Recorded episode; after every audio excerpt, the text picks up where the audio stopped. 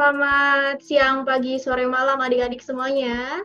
Kembali lagi di Kapiler Learning bersama Kariris. Nah, hari ini kita akan mendengarkan sharing-sharing dan materi lagi nih dari salah satu kakak inspiratif yang hari ini udah bersedia meluangkan waktunya buat sharing pengalaman ke kita semua.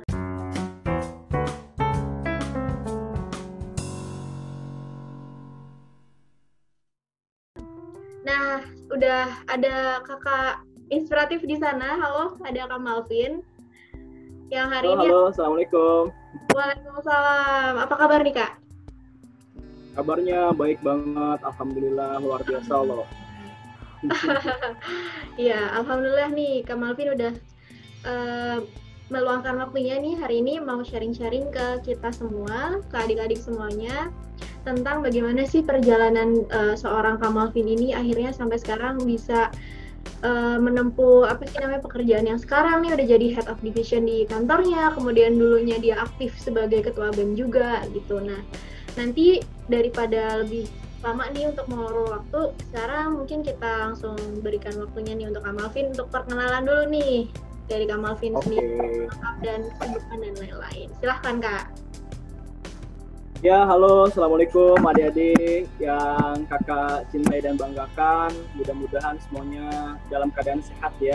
Uh, terlebih sekarang lagi musimnya ini ya, kariris ya, apa COVID-19 gitu ya, yang lagi sekolah segala macam jadi apa istilahnya terganggu lah, terbatas gitu ya. PSBB, apa social distancing gitu ya. Tapi alhamdulillah kabar Kamalvin sehat, alhamdulillah luar biasa Uh, dan sebelumnya perkenalkan dulu adik-adik semua. Nama saya Malvin Pradip Terianto. Saya saat ini bekerja di salah satu perusahaan swasta bergerak di bidang developer properti syariah di Depok. Nah, di sana saya diamanahi menjadi seorang uh, kepala divisi project dan legal. Jadi Kamalvin yang uh, riset and development kantor nyari lahan baru hingga akhirnya bisa jadi rumah gitu ya. Alhamdulillah Kak Malvin sebetulnya adalah salah satu sosok yang mengidolakan Kak Rizky karena uh, sepak terjang Kak Malvin dulu di kampus sedikit banyak dipengaruhi oleh uh, perkenalan Kak Malvin dengan Kak Rizky nih adik-adik. Nah, jadi ceritanya dulu Kak Malvin waktu SMA itu mendapat uh, manfaat beasiswa manfaat dari FTUI. Hmm. Jadi dikasih ya dikasih buat bayar SPP gitu lah kariris. Jadi udah uh, Rizky dari SMA ya kak ya? Dari SMA itu dari tahun 2012 kalau nggak salah 2012 ya. Jadi udah lama sekali, udah 8 tahun kenal Kak Rizky gitu ya. Ya Alhamdulillah saat itu mendapatkan beasiswa manfaat, akhirnya masuk di salah satu kampus negeri, Politeknik, tepatnya di Politeknik Negeri Jakarta, tahun 2013, saya masuk ke jurusan teknik sipil, ya salah satu jurusan yang uh, cukup strict dan sulit ya, masuknya sulit, uh, berprosesnya juga sulit, keluarnya juga sulit, tapi alhamdulillah uh, Allah berkahi gitu ya. Nah, uh, perjalanan di kampus kampus Poltek itu buat saya uh, cukup menarik dan menantang karena dulu ya dapat ini dapat insight banyak dari apa yang uh, Kak Rizky dan kawan-kawan ya.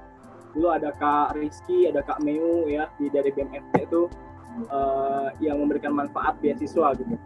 Itu mempengaruhi Kak Malvin untuk ketika masuk ke kampus wah uh, saya nggak bisa cuman belajar aja nih saya nggak bisa cuman apa uh, belajar di kelas ketemu sama teman-teman yang cuma sebatas di kelas doang nggak mau saya. Saya pengennya pokoknya uh, ketika masuk kampus ada bekas yang bisa saya apa torehkan lah di kampus itu. Jadi alhamdulillah seiring sejalan uh, di tingkat satu dipercaya jadi ketua gugus jadi ketua kelas sampai akhirnya 2014 jadi ketua himpunan mahasiswa Politeknik Negeri Jakarta ya teknik sipil himpunan mahasiswa. Jadi uh, eh, 2014 jadi ketua himpunan.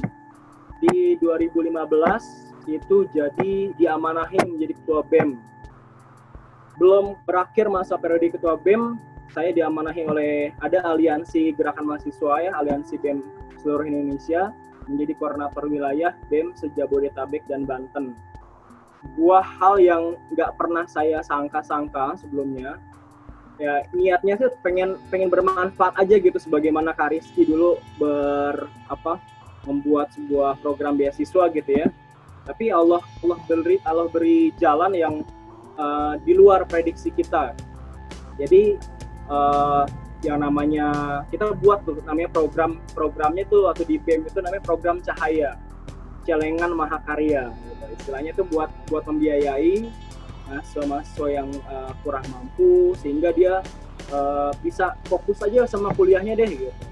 Nah itu banyak banget tuh banyak banget. Setelah itu uh, berjibaku dengan nggak cuman kuliah ya ikutan lomba juga wirausaha akhirnya coba coba-coba uh, istilahnya mimpin kampus ya yang mana kalau teman-teman adik-adik adik-adik panti paham ya dunia kampus itu cukup cukup ketat. Tapi ya alhamdulillah dengan izin Allah bisa dijalankan dengan baik. Dan alhamdulillah lulus dengan baik juga. Jadi meskipun aktif di organisasi juga tidak mengindahkan atau belajarnya menjadi kurang gitu, tapi belajarnya harus lebih giat, organisasinya juga organisasi juga harus jalan. Hingga akhirnya lulus dari kampus Topik itu tahun 2016 langsung lanjut. Saya karena saya sipil kariris biasanya proyek-proyek sipil itu ada di berbagai daerah ya nggak cuma di Pulau Jawa kira saya hijrah tuh ke Sulawesi beberapa bulan di sana kerja uh, jadi konsultan. Kerja kerja kerja kerja kerja gitu. Udah saya abis itu coba lanjut kuliah lagi. Nah Kamalvin lanjut kuliah di Universitas Pancasila untuk ambil S1 karena dulu di PNJ D3 nya kariris Alhamdulillah sambil lanjut uh, S1 saya masuk ke sebuah perusahaan. Ini yang sekarang saya uh, bekerja ya. Jadi Kak Malvin kuliah sambil kerja. Selain kuliah, selain kerja, Kak Malvin juga coba bantu lingkungan dengan ikut Karang Taruna. Nah, jadi kalau adik-adik di lingkungan ini ada namanya Karang Taruna, Kak Malvin ikut tuh Karang Taruna tuh bikin program-program uh, sosial masyarakat, bikin program-program yang memberdayakan masyarakat, adik-adik, mahasiswa ataupun masyarakat sekitar, pemuda, pemudi. Hingga akhirnya sekarang diamanahin jadi seorang kepala divisi. Buat saya uh, ya perjalanan yang cukup menantang ya. Cuma berawal kebanyakan istilahnya di saya terima dari Kak Rizky dulu. Sehingga saya ma masuk pada sebuah sebuah kesimpulan gini. Ternyata kebaikan yang kita berikan kepada orang lain sekecil apa pun itu itu akan menginspirasi orang untuk berbuat baik lagi jadi dari situ alhamdulillah nggak cuma terjadi dari diri saya sendiri teman-teman saya yang mendapatkan manfaat beasiswa yang saya buat ketika itu ya saya dan teman-teman uh, senior dan kawan-kawan lainnya beasiswa itu akhirnya mereka juga membuat sebuah gerakan kebaikan lainnya gitu dan itu semua menyebar. Nah dari sini Kak uh, memberikan sebuah uh, nasihat untuk adik-adik sekalian atau semua siapa pun yang mendengar video ini, gitu ya. uh, jangan ragu untuk menjadi orang baik gitu. Kadang-kadang kan kalau kita membuat kebaikan, ih, apaan sih nih, sok sok banget sih, sok baik gitu ya. Uh, seiye lo gitu. Tapi nggak usah teman-teman semua. Teman-teman cukup Iya, cukup uh, pede aja udah gitu kan. Zaman sekarang tuh orang yang nggak beres aja ya, nggak baik gitu misalkan, itu pede dengan keburukannya gitu. Nah teman-teman eh, nggak uh, boleh nggak pede sama kebaikannya. Jadi jadi mulai kebaikan-kebaikan sederhana seperti ini.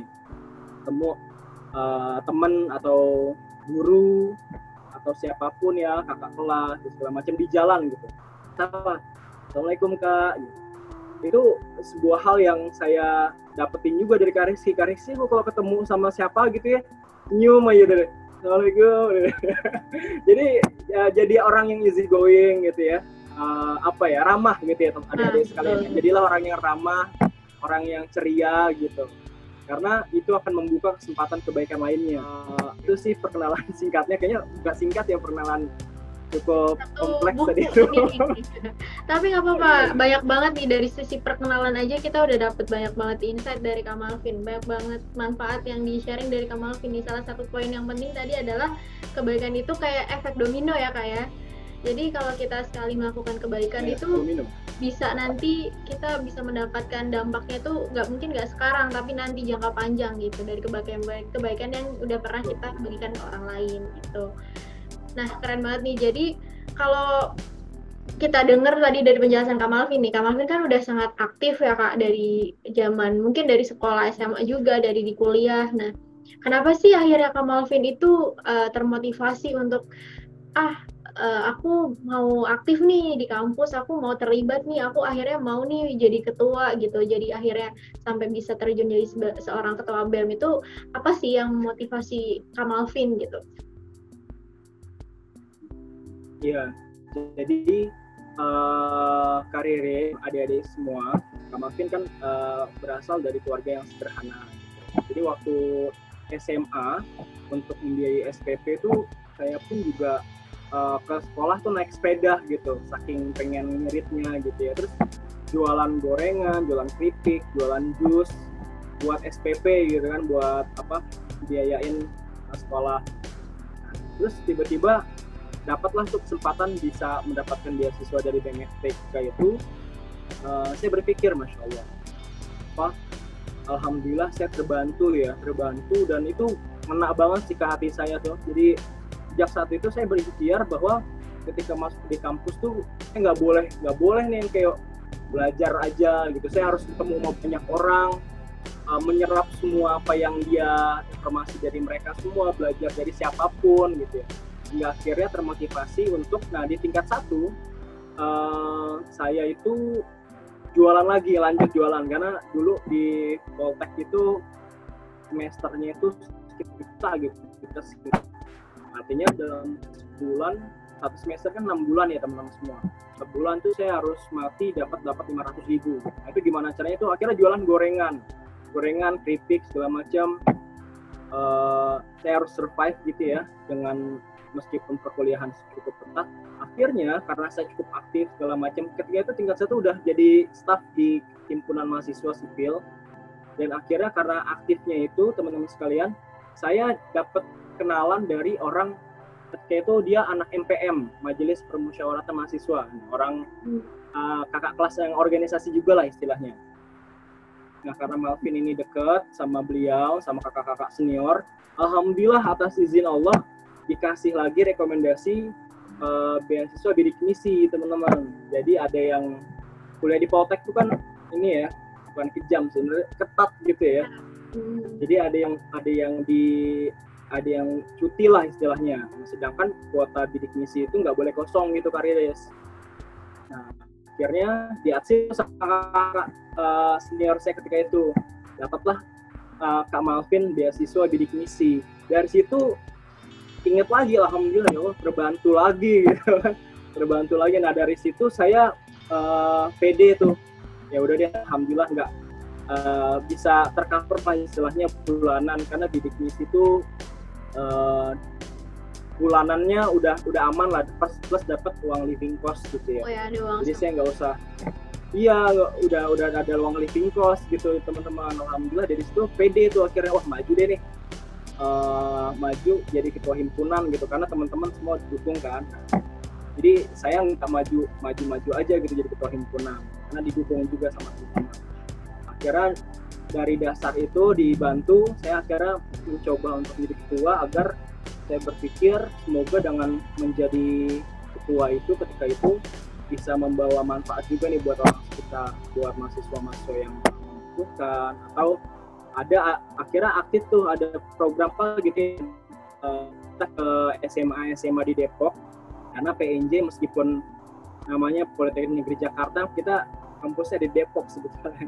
Nah itu akhirnya buat itu loh buat program beasiswa beasiswa juga gitu biar bisa masuk PNJ nah dari situ ber, berlanjut ternyata akhirnya uh, kariris uh, alhamdulillah jadi jurusan him, apa himpunan masa jurusan terbaik di periode 2014 2015 2015 nama Kak Malvin uh, kedengeran dia tuh satu kampus gitu ya. Ya Poltek kan nggak segede UI ya tapi ya, ya alhamdulillah cukup cukup ada nama lah ketika itu. Alhamdulillah Allah kasih. Bukan bermaksud untuk sombong tapi ketika itu alhamdulillah dipercaya menjadi ketua ketua BEM nah dari BEM itulah BEM uh, kampus itulah Bang Mafin coba meneruskan uh, perjuangannya Kariski istilahnya dulu gitu. Kita buat bermacam program-program yang memang bisa bermanfaat buat banyak orang. Tapi apakah nggak uh, ada tantangannya? Wah jelas di ya sekali namanya di kampus itu kan agak cukup strict ya yang mengganggu mengganggu jalannya perkuliahan jujur aja iya. Tapi saya pikir kalau tadi ya kalau orang jahat aja ya dia dengan gigihnya melaksanakan kejahatannya kok kita orang baik uh, cepat nyerah gitu. Ya udah akhirnya Kak Malvin gimana caranya biar gigih kuliah nih? Karena amanah kan amanah itu kan e, dari orang tua adalah belajar ya teman semua ya. Itu harus harga mati lah. Tapi sebagai seorang pemuda harus berjuang juga nih gimana caranya kuliahnya dapat tapi organisasinya juga harus jalan agar ada banyak teman-teman semua tuh yang bisa terinspirasi juga. Niatnya itu lillahi ta'ala karena e, niatnya itu bantu orang. Dari situlah intinya kita punya energi lebih. Karena kalau niatnya pengen cuman biar uh, bisa eksis segala macem itu dapat masalah aja tak udah langsung bubar.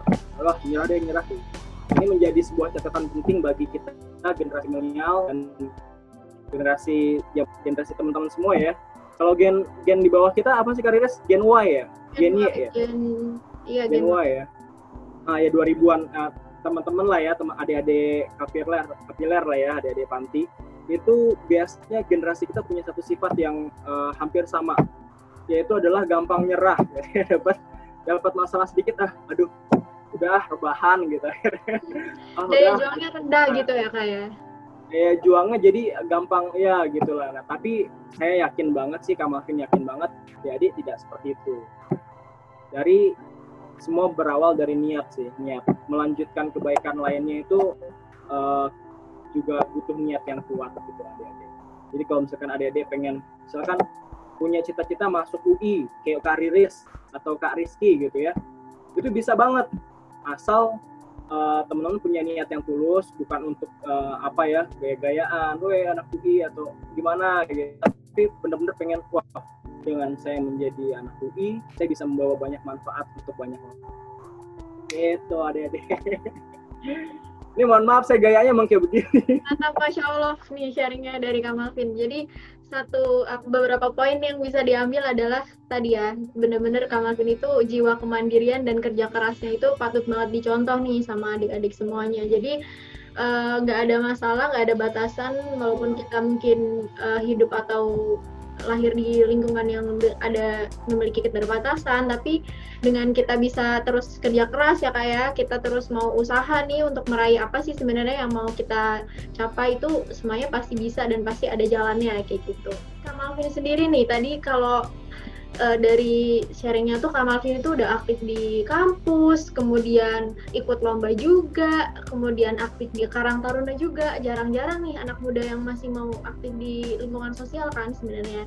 Nah, kalau dari Kak Malvin sendiri gimana sih buat ngebagi waktunya nih buat ngebagi semua kegiatan-kegiatan kakak ini? Kalau ya, yang paling pertama yang saya lakukan adalah Kak Malvin uh, buat skala prioritas adik-adik sekalian hmm. buat skala prioritas. Tentunya ada kalau saya dulu diajarin gini ada bikin uh, kertas tuh dijadiin empat gitu ya dijadiin empat. Jadi namanya skala prioritas. Prioritas pertama yang amat sangat penting dan urgent gitu ya. Prioritas kedua penting tapi nggak urgent-urgent banget gitu. Prioritas ketiga tidak penting dan tidak urgent prioritas keempat ini lebih baik yang benar-benar enggak sangat amat tidak penting dan uh, dihiraukan lah. Uh, tulis apa-apa saja yang menjadi kegiatan kita misalkan main game atau organisasi belajar ketemu sama teman-teman semuanya segala macam ditulis nah teman-teman masukin tuh ke selebritas tuh yang kira-kira uh, kegiatan yang bermanfaat buat teman-teman di masa depan yang kalian pikir itu uh, bermanfaat buat kalian masukin deh tuh ke diagram-diagram itu. Jadi nanti itu buat acuan uh, prioritas adik-adik semua untuk oh iya ya ini harus yang dioptimalin nih. Karena pada akhirnya kita juga nggak bisa nggak bisa ngerjain semuanya uh, rilis. Jadi dalam satu minggu itu saya kan banyak punya teman ya uh, ada beberapa terkadang di organisasi misalkan uh, membutuhkan saya ketika itu. Tapi saya butuh hadir uh, kuliah misalkan atau enggak ujian. Jadi di organisasi digantiin dulu sama yang lain. Jadi dari, dari skala prioritas itu kita tetap bisa uh, ngerjain semuanya tanpa harus mengganggu kegiatan yang menjadi prioritas kita. Sebagai satu contoh gini, Kak Malvin uh, sebagai mahasiswa S1 yang lagi kuliah ya di UP, tapi juga lagi bekerja kayak itu. Tapi di satu sisi uh, di lingkungan uh, lagi butuh nih Kak Malvin nih, ya udah pertama yang Kak uh, prioritaskan adalah bekerja dulu. Karena saya kuliah juga dari uang tempat saya bekerja gitu kan. Saya uh, prioritaskan pekerjaan saya dulu sehingga sampai selesai. Nah alhamdulillahnya itu ada kuliah daring ya. Nah jadi kuliah daring itu bisa saya kerjain juga tuh saat nyambi lah istilahnya gitu tuh terus lingkungannya gimana? Saya telepon ke eh bro boleh nih gantian gantian gue dulu nih buat ke agenda lingkungan ini. Digantiin lah sama dia. Nanti kalau udah oke okay, pekerjaan saya udah beres kuliah saya udah beres saya datang ke situ termuka gantian hari Sabtu Minggu kan udah agak uh, lowong ya lagi agak luang gitu. Ya udah saya optimalin di situ mengawalin muka apa segala macam. Kuliahnya uh, kerjaannya tetap bisa by phone. Kuliahnya juga bisa segala macam. Kita coba optimalin. Kayak gitu sih kariris jadi buat skala prioritas. Oke jadi uh, kalau cara apa ya cara untuk tips untuk bisa ngatur waktu dengan baik adalah dengan mengurutkan ya kayak ya, prioritas yang mana dulu nih yang ya, harus kita ya, kerjakan ya, gitu ya habis itu baru deh kita bisa pertimbangkan oh aku harus mengerjakan ini dulu nih setelah itu kita baru hmm, apa berpindah ke kegiatan yang lain kalau kurang lebih kayak gitu ya kak ya jadi bikin skala prioritas. Betul, dan betul betul. Tapi ini per perlu ada catatan penting nih, kariris. Ini perlu Gimana? di butuh kerjasama lingkungan uh, lingkungan sekitar adik-adik. Misal adik-adik ada di panti. Nah, di panti siapa nih yang uh, lebih dekat sama adik-adik? Nah, itu minta tolong mereka untuk uh, mengawasi prioritas kita. Kak Malvin dulu minta dimentorin sama uh, masnya Kak Malvin yang pertama gitu ya. Ini biar dilihatlah nih diukur bener nggak nih Melvin bikin kayak protes ini benar-benar dikerjain gak nih jadi kita butuh diawasin juga sebenarnya pada akhirnya itu itu pun uh, Kak Melvin sebagai seorang ini ya sebagai seorang siswa dan orang kerja butuh juga di reminder atau diingetin nah jadi juga kalau bisa ada orang-orang yang bisa diingetin kalau apa orang tua yang mungkin orang tua saudara atau saudara kakak mungkin bisa menjadi mentor yang baik untuk uh, melihat prioritasnya adik-adik. Hmm, jadi kayak semacam kita punya uh, orang untuk mengontrol kita juga ya kak, maksudnya untuk membantu reminder nih kira-kira target atau prioritasnya udah bener belum, udah dilakukan dengan baik atau belum nih sesuai yang ditargetkan gitu ya kak ya. Ya ya benar-benar. Karena kita memang kadang susah juga nih untuk komit dengan diri sendiri ya kak ya. Jadi kadang memang kita butuh nih ada teman, ada orang lain untuk uh, ngasih tahu bantu gitu reminder. Oke. Okay. Nah kalau dari Kak Malvin sendiri nih kan uh, aktif sebagai ketua BEM ya. Itu ketua BEM kemudian ya. juga aliansi BEM seluruh Indonesia untuk wilayah Jabodetabek ya kak ya. Nah apa sih uh, yang didapat nih kak selama kakak jadi ketua BEM dan bisa mengkoordinatorin itu tadi ke apa aliansi BEM seluruh Indonesia tadi? Apa yang didapat selama Kak Malvin dari jadi oh, pemimpin itu? Ya, uh, satu ada beberapa hal, ada banyak sekali pelajaran yang saya dapat dari uh, memimpin aliansi gerakan BEM Jabodetabek dan Banten. Karena kalau misalkan Kariris tahu, di kampus swasta, kampus negeri dan swasta yang ada di Jabodetabek dan Banten yang masuk gerakan aliansi BMS di Games Indonesia itu ada banyak banget ya Iya. aliansi paling besar yang ada di aliansi BMSI. gitu. Jadi eh, yang saya dapat itu pertama adalah persistensi, eh, kegigihan, karena nggak bisa tuh waktu kita terkuras untuk itu, gitu. Eh, persisten. Eh, saat buat konsol misalkan UI dulu sempat dua kali konsol di UI zamannya ada eh, sebelum Kak Mujab ya mungkin kariris tahu Kak Mujab BEM Iya. uh, UI ketika itu konsol di BEM UI habis itu sorenya langsung ke UNJ besok dua hari lagi langsung konsol ke IPB Konsol itu nggak rapat bisa ya kak? Atau gimana? ya betul rapat maksudnya. konsolidasi itu rapat gitu deh Kak. rapat untuk uh, membagi tugas. Nih kampus ini ngapain kampus ini harus ngapain. Itu harus banget punya kegigihan. Dan kegigihan ini yang saya yang saya perhatikan ini yang dibutuhkan buat teman-teman semua mencapai uh, mimpi-mimpi. Mungkin kalau adik-adik punya cita-cita nih misalkan cita-cita pengen jadi dokter nah adik-adik sekalian biasanya kalau guru atau kakak mentor gitu ya bercita-cita menjadi uh, dokter gitu ya. Enak segala macam. Apa jalannya oke.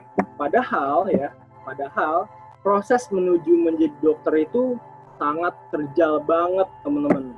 Dari mulai kalian harus benar-benar belajar dari SD SMP SMA yang uh, progresif gitu ya yang uh, berkelanjutan belajarnya mesti bagus gitu ya mesti konsisten. Itu bukan sebuah hal yang mudah teman-teman. Terlebih di era sekarang yang penuh distraksi atau penuh gangguan ya belum ada Ya. HP kita ada televisi dan segala macam. Jadi butuh gigi gigih juga teman-teman dapatkan uh, butuhkan ketika nanti uh, pengen sesuatu nih eh pengen wah aku pengen banget nih beli laptop untuk memudahin aku jadi seorang youtuber gitu kan. Sekarang banyak kariris anak SD SMP gitu udah jadi youtuber STEM Lah ya kita. Ah, jadi youtuber gitu. Ya bikin uh, channel beli sesuatu. Itu perlu perlu gigihan itu pertama yang saya dapat gigihan yang kedua uh, ya persisten itu ya. Persisten kegigihan terus yang kedua manajemen waktu. Uh, faktanya Kak Malvin dulu belajar itu paling banter jam satu malam jam 2 malam. Jadi balik ke rumah itu jam 10 udah itu langsung tidur tuh. Karena kalau dipaksain karena kuliah PNJ kan strict ya kak. Jadi kita eh, kuliah tuh kayak anak SMA gitu kan. Iya, nah, kalau PNJ tuh masuk jam setengah masuk jam setengah delapan terus sampai jam 4 atau jam 5 gitu. Jadi kayak anak SMA aja terus kita kapan organisasinya terus kapan belajarnya belajarnya malam. Kalau nggak subuh pas udah tidur udah istirahat malam itu eh, saya pakai waktu yang tenang untuk belajar ngulang-ngulang eh, pelajaran. Karena jangan sampai organisasi justru mengurangi eh, kegiatan kita dalam belajar.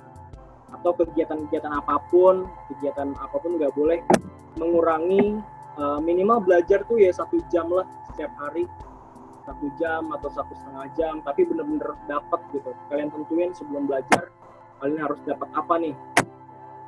Jadi ada target ada target. Jadi manajemen waktu persisten manajemen waktu. Sama yang terakhir adalah eh, saya mendapatkan pelajaran tentang bagaimana pentingnya kita untuk eh, dekat sama Tuhan gitu ya.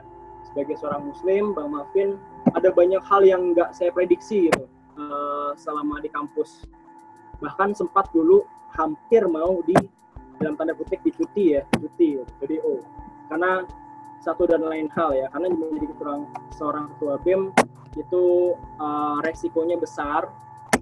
Jadi ceritanya lagi ini jadi curhat nggak apa-apa ya kak Riris ya? Gak apa-apa, sharing aja nggak ya jadi salah satu ya hal yang tadi saya katakan bahwa perlu ada kegigihan kegigihan gitu. Karena nanti akan ada masalah atau tantangan adik-adik sekalian. Kalau ketika kita bikin punya sebuah kebaikan atau mimpi atau cita-cita pasti Allah tuh ngasih cobaan nih bener nggak nih? Serius nih. Bener nggak sih hambaku nih serius pengen pengen jadi ini gitu, atau pengen buat ini? Gitu dan saya pikir itu juga yang terjadi sama kita ya Kak Malvin. Ada di Karang Taruna, ada di divisi Kak Rizky, ada membuat sebuah kapiler pasti akan uh, program atau ini apa panti gitu ya, kapiler programnya itu pasti ada ada jalan terjalan. Itu yang saya buat. Akhirnya masalah itu sempat mau dicuti ceritanya kariris akhirnya ya sebaik-baiknya makhluk ya ketika dia pengen curhat ada baiknya curhatnya ke sang pencipta gitu. Jadi karena muslim ya saya ngadulah ke Allah gitu. Jadi waktu-waktu subuh waktu-waktu istirahat setelah sholat isya itu banyak ngadu gitu lah. Gak jarang juga nangis gitu ya. Nah, jadi kalau teman-teman yang cowok pun gitu ya pantang nangis tuh bagus banget. Tapi di depan manusia kalau di depan Allah gitu ya itu harus banget justru ngadu ya Allah tadi saya habis dipukul polisi karena habis aksi gitu ya. Aduh mana tuntutan nggak ter tuntutan nggak dapat tuntutan uh, aksi nggak dapat tidak kena bonyok pula gitu ya. Ya Allah saya habis advokasi saudara Fulan tapi tiga di antara tiga yang saya advokasi untuk uh, karena ceritanya tuh banyak yang cuti juga kak uh, kak Riris. Cuti karena nggak bisa mampu bayar. Akhirnya kita advokasi dong. Akhirnya dari masalah-masalah itu saya ngadu jadi itu pertama eh, persisten gigi teman-teman harus gigi adik-adik harus gigi yang kedua teman-teman eh, saya belajar tentang manajemen waktu. Manajemen waktu ini memang nggak bisa belajar tahun dua tahun ya. Tapi uh, mulai aja mulai aja dulu. Dari mulai dari mulainya itu dari teman-teman bikin things to do atau kegiatan hari ini mau ngapain nih. Misalkan mau ngerjain PR ngerjain tugas ngerjain ini. Bikin aja things to do tuh. Nanti di checklist cek cek cek ya. itu rasanya enak banget tuh kalau udah nge-checklist satu persatu things to do setiap hari. Terus yang ketiga adalah tadi uh, butuh banget kita untuk uh, deket sama Allah Subhanahu Wa Taala. Karena sebagai makhluk kita harus paham tentang urgensi uh, keagamaan ya adik sekalian karena itu nanti ada aja nanti masalah yang Allah kasih jalan yang uh, lewat cara yang tidak disangka-sangka gitu. Itu sering banget kata Iris sering banget uh, tiba-tiba ditolongin sama siapa gitu ada orang gitu. Ah, udah pin pin udah pin gampang pin sama kayak ketika dulu di SMA deh waktu pertama kali ketemu sama Kariski ketemu sama Kariski lagi susah-susahnya gitu ya. Buat beasiswa buat SPP ya alhamdulillah buat saya sih bukan aji mumpung ya. Itu mungkin dari berkat dari doa doa orang tua doa doa sama guru-guru. Poin uh, tentang keagamaan itu penting banget. Jalankan.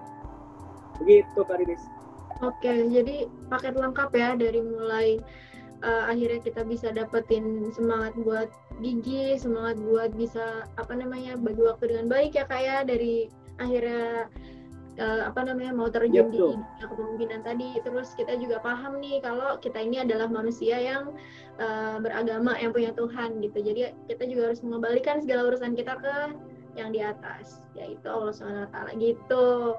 Oke okay, baik. Nah kalau dari menurut Kamalin sendiri nih sebenarnya pemimpin itu apa sih kak? Jadi definisi pemimpin dari Kamalin sendiri itu apa sih sebenarnya gitu? Uh, definisi pemimpin ya kariris ya? Ya, uh, buat saya pemimpin itu adalah orang yang bisa membersamai orang lain untuk mencapai tujuannya. Dia bisa ada di depan untuk memberikan arahan kepada orang-orang yang dipimpinnya. Dia adalah orang yang bisa di samping untuk bisa membersamai uh, teman-temannya gitu. Jadi ketika teman-teman kita susah itu kita ada bersamanya gitu. Dia juga adalah orang yang bisa ada di belakang untuk mendorong ketika orang yang dipimpinnya itu butuh uh, masukan, butuh semangat, dia adalah orang-orang yang bisa memberikan semangat gitu. Bro, ayolah semangat. Katanya pengen jadi dokter, gitu. Katanya pengen masuk uh, eh, FEUI gitu, misalkan gitu. Katanya pengen bisa pengen ini. Nah, itu gitu. Itu menurut saya pemimpin tuh orang yang bisa uh, menjadi atau memimpin atau istilahnya mengarahkan orang lain baik di depan, samping maupun di belakang. Contohnya nggak nggak mungkin ini berat ada di diri adik-adik sekalian nih, teman-teman yang orang-orang yang ciri punya ciri khas yang tadi tuh membersamai teman-temannya menjadi pendengar yang baik itu secara nggak langsung teman-teman tuh adalah seorang pemimpin buat uh, orang di sekelilingnya atau minimal buat diri sendiri karena iya karena buat orang yang pemimpin, pemimpin itu adalah orang yang bisa ketika dia di depan dia kan tahu tujuan teman-teman harus tahu uh, tujuan kalian apa. Teman-teman ada di belakang buat orang lain. Buat diri sendiri apa? Teman-teman minimal bisa menyemangati diri sendiri. Karena ketika tidak ada orang lagi yang bisa memotivasi kita satu-satunya orang yang bertanggung jawab untuk diri kita adalah diri kita sendiri gitu. Plus orang yang bisa membersamai temennya di samping kanan kirinya. Nah terkadang kita kan uh, pasti punya fase di mana kita nih kayak nggak di ngertiin sama orang lain gitu ya. Uh, nggak di uh, kayak semua semua hal salah gitu ya. Kayak saya tuh kayak nggak ada nggak man, ada manfaatnya gitu. nah saat itulah teman-teman harus paham bahwa uh, pentingnya menyayangi diri sendiri gitu ya. Self love ya tahu ya. iya self love gitu. Kadang-kadang uh, penyakitnya generasi saya generasi adik-adik sekarang tuh suka membandingkan diri sendiri dengan orang lain padahal diri sendiri tuh diri kita sendiri tuh punya uh, harta karun yang tidak dimiliki oleh semua orang gitu. Tapi cuma bisa di cuma ada di diri kita. Jadi teman-teman harus tahu bahwa teman-teman adalah harta karun yang tak ternilai untuk diri sendiri. Self love gitulah yeah. pokoknya Oke, karena masing-masing dari kita pasti punya potensi masing-masing ya kayak ya, yang itu pasti bisa dikembangkan gitu untuk menjadikan suatu karya atau uh, bisa membuat sesuatu untuk orang lain gitulah ya. Oke. Nah, pasti nih Kak Malvin selama menjalani aktivitas kesibukan yang tadi disebutkan itu uh, adalah momen di mana Kak Malvin itu uh, mungkin jatuh atau putus asa gitu ya atau mungkin merasa hmm, apa namanya kok masalah sulit banget nih gitu. Nah gimana sih kak cara Kak Malvin untuk bisa kembali bangkit nih waktu uh, menghadapi masalah gitu? Uh, pertanyaannya bagus banget Kak Riris. Luar biasa. Jadi emang ini yang uh, relate dengan kehidupan semua orang ya adik-adik uh, adik-adik panti maupun semua. Bahkan Kamalvin pun juga demikian.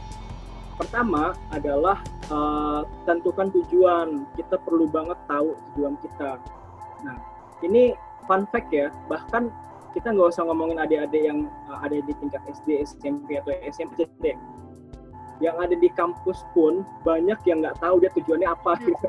Ya lu mau ngapain sih? Eh, nggak tahu gue ngapain gitu. Akhirnya ya gampang menyerah gitu, gampang putus asa, gampang gampang jatuh. Padahal biasa-biasa aja gitu. Ya kan? Bahkan kalau misalkan dilihat dia ada di kampus, nah dia bisa kuliah pun ya syukur alhamdulillah kan banyak uh, adik-adik atau teman-teman yang nggak bisa kuliah.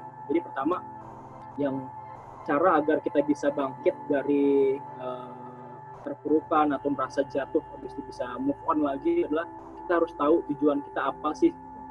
Dan itu harus spesifik ya. Sebagai contoh Kak Malvin dari dulu hingga sekarang eh dari SD deh. Ya SD tuh pengen jadi presiden. Wow amin. presiden, presiden gitu. Nah presiden kan uh, orang yang uh, bisa memimpin sebuah negara memimpin sebuah bangsa banyak orang uh, mengatasi banyak hal-hal itu gitu intinya gitu. Uh, hingga akhirnya saya tahu tujuannya ya. Itu uh, banyak gitu ya. Tapi ketika dia tahu tujuan adalah seorang presiden uh, ya dia nggak boleh nggak boleh dikit-dikit dapat masalah langsung gitu ah kalau dia jatuh gimana gimana dia bisa menjadi presiden tapi akhirnya semasa di kampus saya perbaikin ke Riris. Saya nggak pengen, le pengen lebih spesifik lagi daripada menjadi seorang presiden. Saya pengen banget mengentaskan yang namanya kemiskinan dan uh, ya pengen pengen banget seluruh uh, Indonesia itu bangsa Indonesia bisa mendapatkan pendidikan yang layak.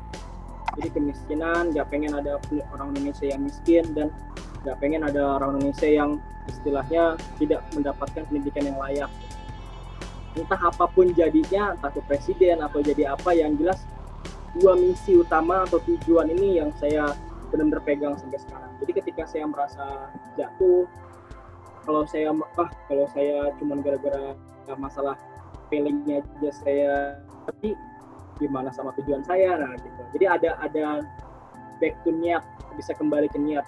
Kalau orang yang nggak tahu tujuannya apa dia nggak tahu cita-citanya apa ketika dia jatuh udah tuh dia udah pasrah gitu ya berat kayak uh, udah ngalir aja deh. Padahal air itu mengalir dari permukaan tinggi permukaan yang tinggi ke permukaan rendah gitu ya. Akhirnya nggak jadi apa-apa dari di bawah. Jadi pertama tetapkan tujuan karena itu penting banget buat kita bisa kembali semangat lagi. Yang kedua saya meyakini bahwa gini teman-teman. Kita makhluk sosial kita nggak bisa sendiri. Jadi pertama ketika saya memasuki sebuah lingkungan baru saya saya cari teman-teman yang baik gitu ya. Karena Rasul Rasulullah SAW uh, Rasulullah Muhammad itu bilang bertemanlah dengan orang-orang yang soleh. Karena kita akan menjadi soleh gitu. dan bener aja gitu. Bukan berarti saya jadi soleh enggak gitu. Tapi minimal ternyata hibrohnya gini atau manfaatnya gini. Ketika kita jatuh atau kita kita kita uh, ngangat uh, hilang tujuan arah tujuan gitu kan. Meskipun kita punya tujuan tapi suka suka hilang arah juga ternyata kariris gitu ya. Suka goyang gitu istilahnya bukan hilang arah tapi goyang. Nah teman-teman ini yang uh, akhirnya menyemangati kita itu pentingnya punya teman-teman yang uh, baik. Terus yang ketiga baik lagi tadi tuh uh, kita punya tujuan kita punya orang-orang di sekitar kita yang bisa memimpin kita. Uh, yang ketiga adalah perbaikin hubungan kita sama Allah. Dari dari, mulai uh, satu satu hal sederhana yaitu uh, perbaikan sholat kita. Kalau sholat kita baik insya Allah Allah akan bersama dengan itu mungkin terdengar wah ini agama agama banget ya maksudnya uh, bener nggak sih bisa bisa semudah itu? Benar teman-teman. Ada aja hal-hal yang bisa membuat kita nanti uh, back to niat kita jadi semangat lagi ketika kita down. Gitu. Mungkin sambil lanjut aja ya mungkin adik-adik yang saat ini sedang uh, menjalankan pendidikan SD, SMP dan SMA uh, tadi sih pesan Kamalvin yang pertama adalah teman-teman harus punya uh, teman-teman yang baik. Minimal kalau teman-teman nggak punya teman-teman yang bisa menyemangati orang lain jadilah orang yang terus nyemangatin orang lain. Nanti dia akan melihat tuh dia enaknya disemangatin. Akhirnya dia nyemangatin kita juga. Jadi sebelum sebelum minta kita harus ngasih dulu gitu. Itu buat tips buat menciptakan lingkungan yang baik adalah jadilah baik dulu gitu. Ibarat kalau kata yang Habibi jadilah mata air di mana pun kita berada. Asik. Itulah pokoknya. Menghidupkan matahari yang menghidupkan orang lain orang banyak ya. Jadi kalau dari iya, yang tadi di sharing sama Kak Malvin nih yang pertama adalah kita harus punya goal harus punya tujuan ya kak yang jelas ya. Kita mau mau mau apa kita mau jadi apa. Jadi ketika kita udah nentuin satu tujuan yang jelas kita jadinya lebih terarah ya kak. Jadi kalau misalnya ada cobaan ada godaan kita nggak gampang down nggak gampang cepat menyerah gitu. Terus yang paling penting adalah cari lingkungan yang baik ya. Cari teman-teman yang baik yang bisa mendukung dan mensupport kita gitu. Oke mungkin uh, kita di penghujung waktu nih ya ya kak ya. Jadi uh, mungkin ada mungkin closing statement ada pesan-pesan nih dari Kak Malvin yang mau disampaikan buat adik-adik di panti. Silakan boleh kak. Oke adik-adik sekalian uh, percayalah bahwa hidup ini uh, sementara teman-teman. Nggak ada yang tahu ya Kak Malvin dulu ditinggal sama teman Kak Malvin waktu SMP uh, meninggal dunia gitu. Di SMA pun juga sama gitu.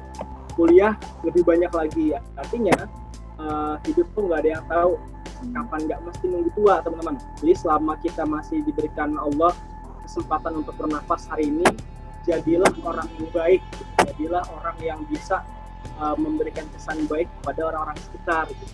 berusahalah bahwa atau uh, usahakan bahwa bayangkan hari ini adalah hari terakhir kita.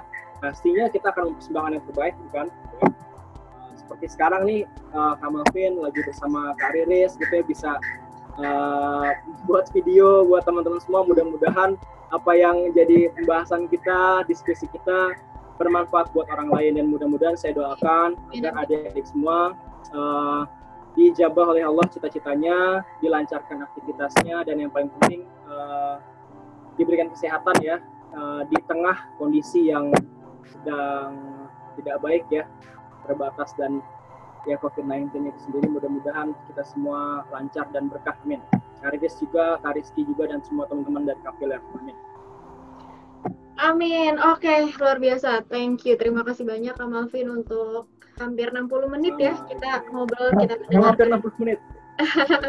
Kita mendengarkan sesi sharing dari Kak Malvin ya, dari mulai bagaimana dia bisa berbagi bagaimana tentang dunia kepemimpinan, bagaimana Kak Malvin bisa membagi waktu dengan baik dari segala macam kesibukannya gitu ya. Sampai juga kita harus uh, mulai apa ya berpikir untuk kita bersyukur dan menyayangi diri sendiri ya kak ya. Kalau sebenarnya kita semua itu pasti bisa untuk uh, berkarya dan meraih cita-cita kita gitu jadi semangat mentalitas dan daya juang luar biasa yang ditularkan dari Kak Malvin semoga bisa dicontoh ya sama adik-adik panti semuanya. Nah, karena kita udah di penghujung waktu nih sesi sharing dari Kapi Learning di episode sekarang uh, dari uh, saya, dari aku, dari Kariris uh, menutup nih sesi kita kita cukupkan sampai di sini ya kak ya Kak Malvin ya. Semoga okay. nanti ada waktu lagi kita bisa sharing lagi nih sama Kak Malvin dengan bahasan yang tentunya lebih bisa bermanfaat lagi untuk adik-adik semuanya. Gitu. Sekali lagi thank you ya Kak. Terima kasih banyak Kak Malvin untuk waktunya. Sama-sama. Oke, jadi aku tutup untuk sesi sharing uh, Kapi Learning pada hari ini. Terima kasih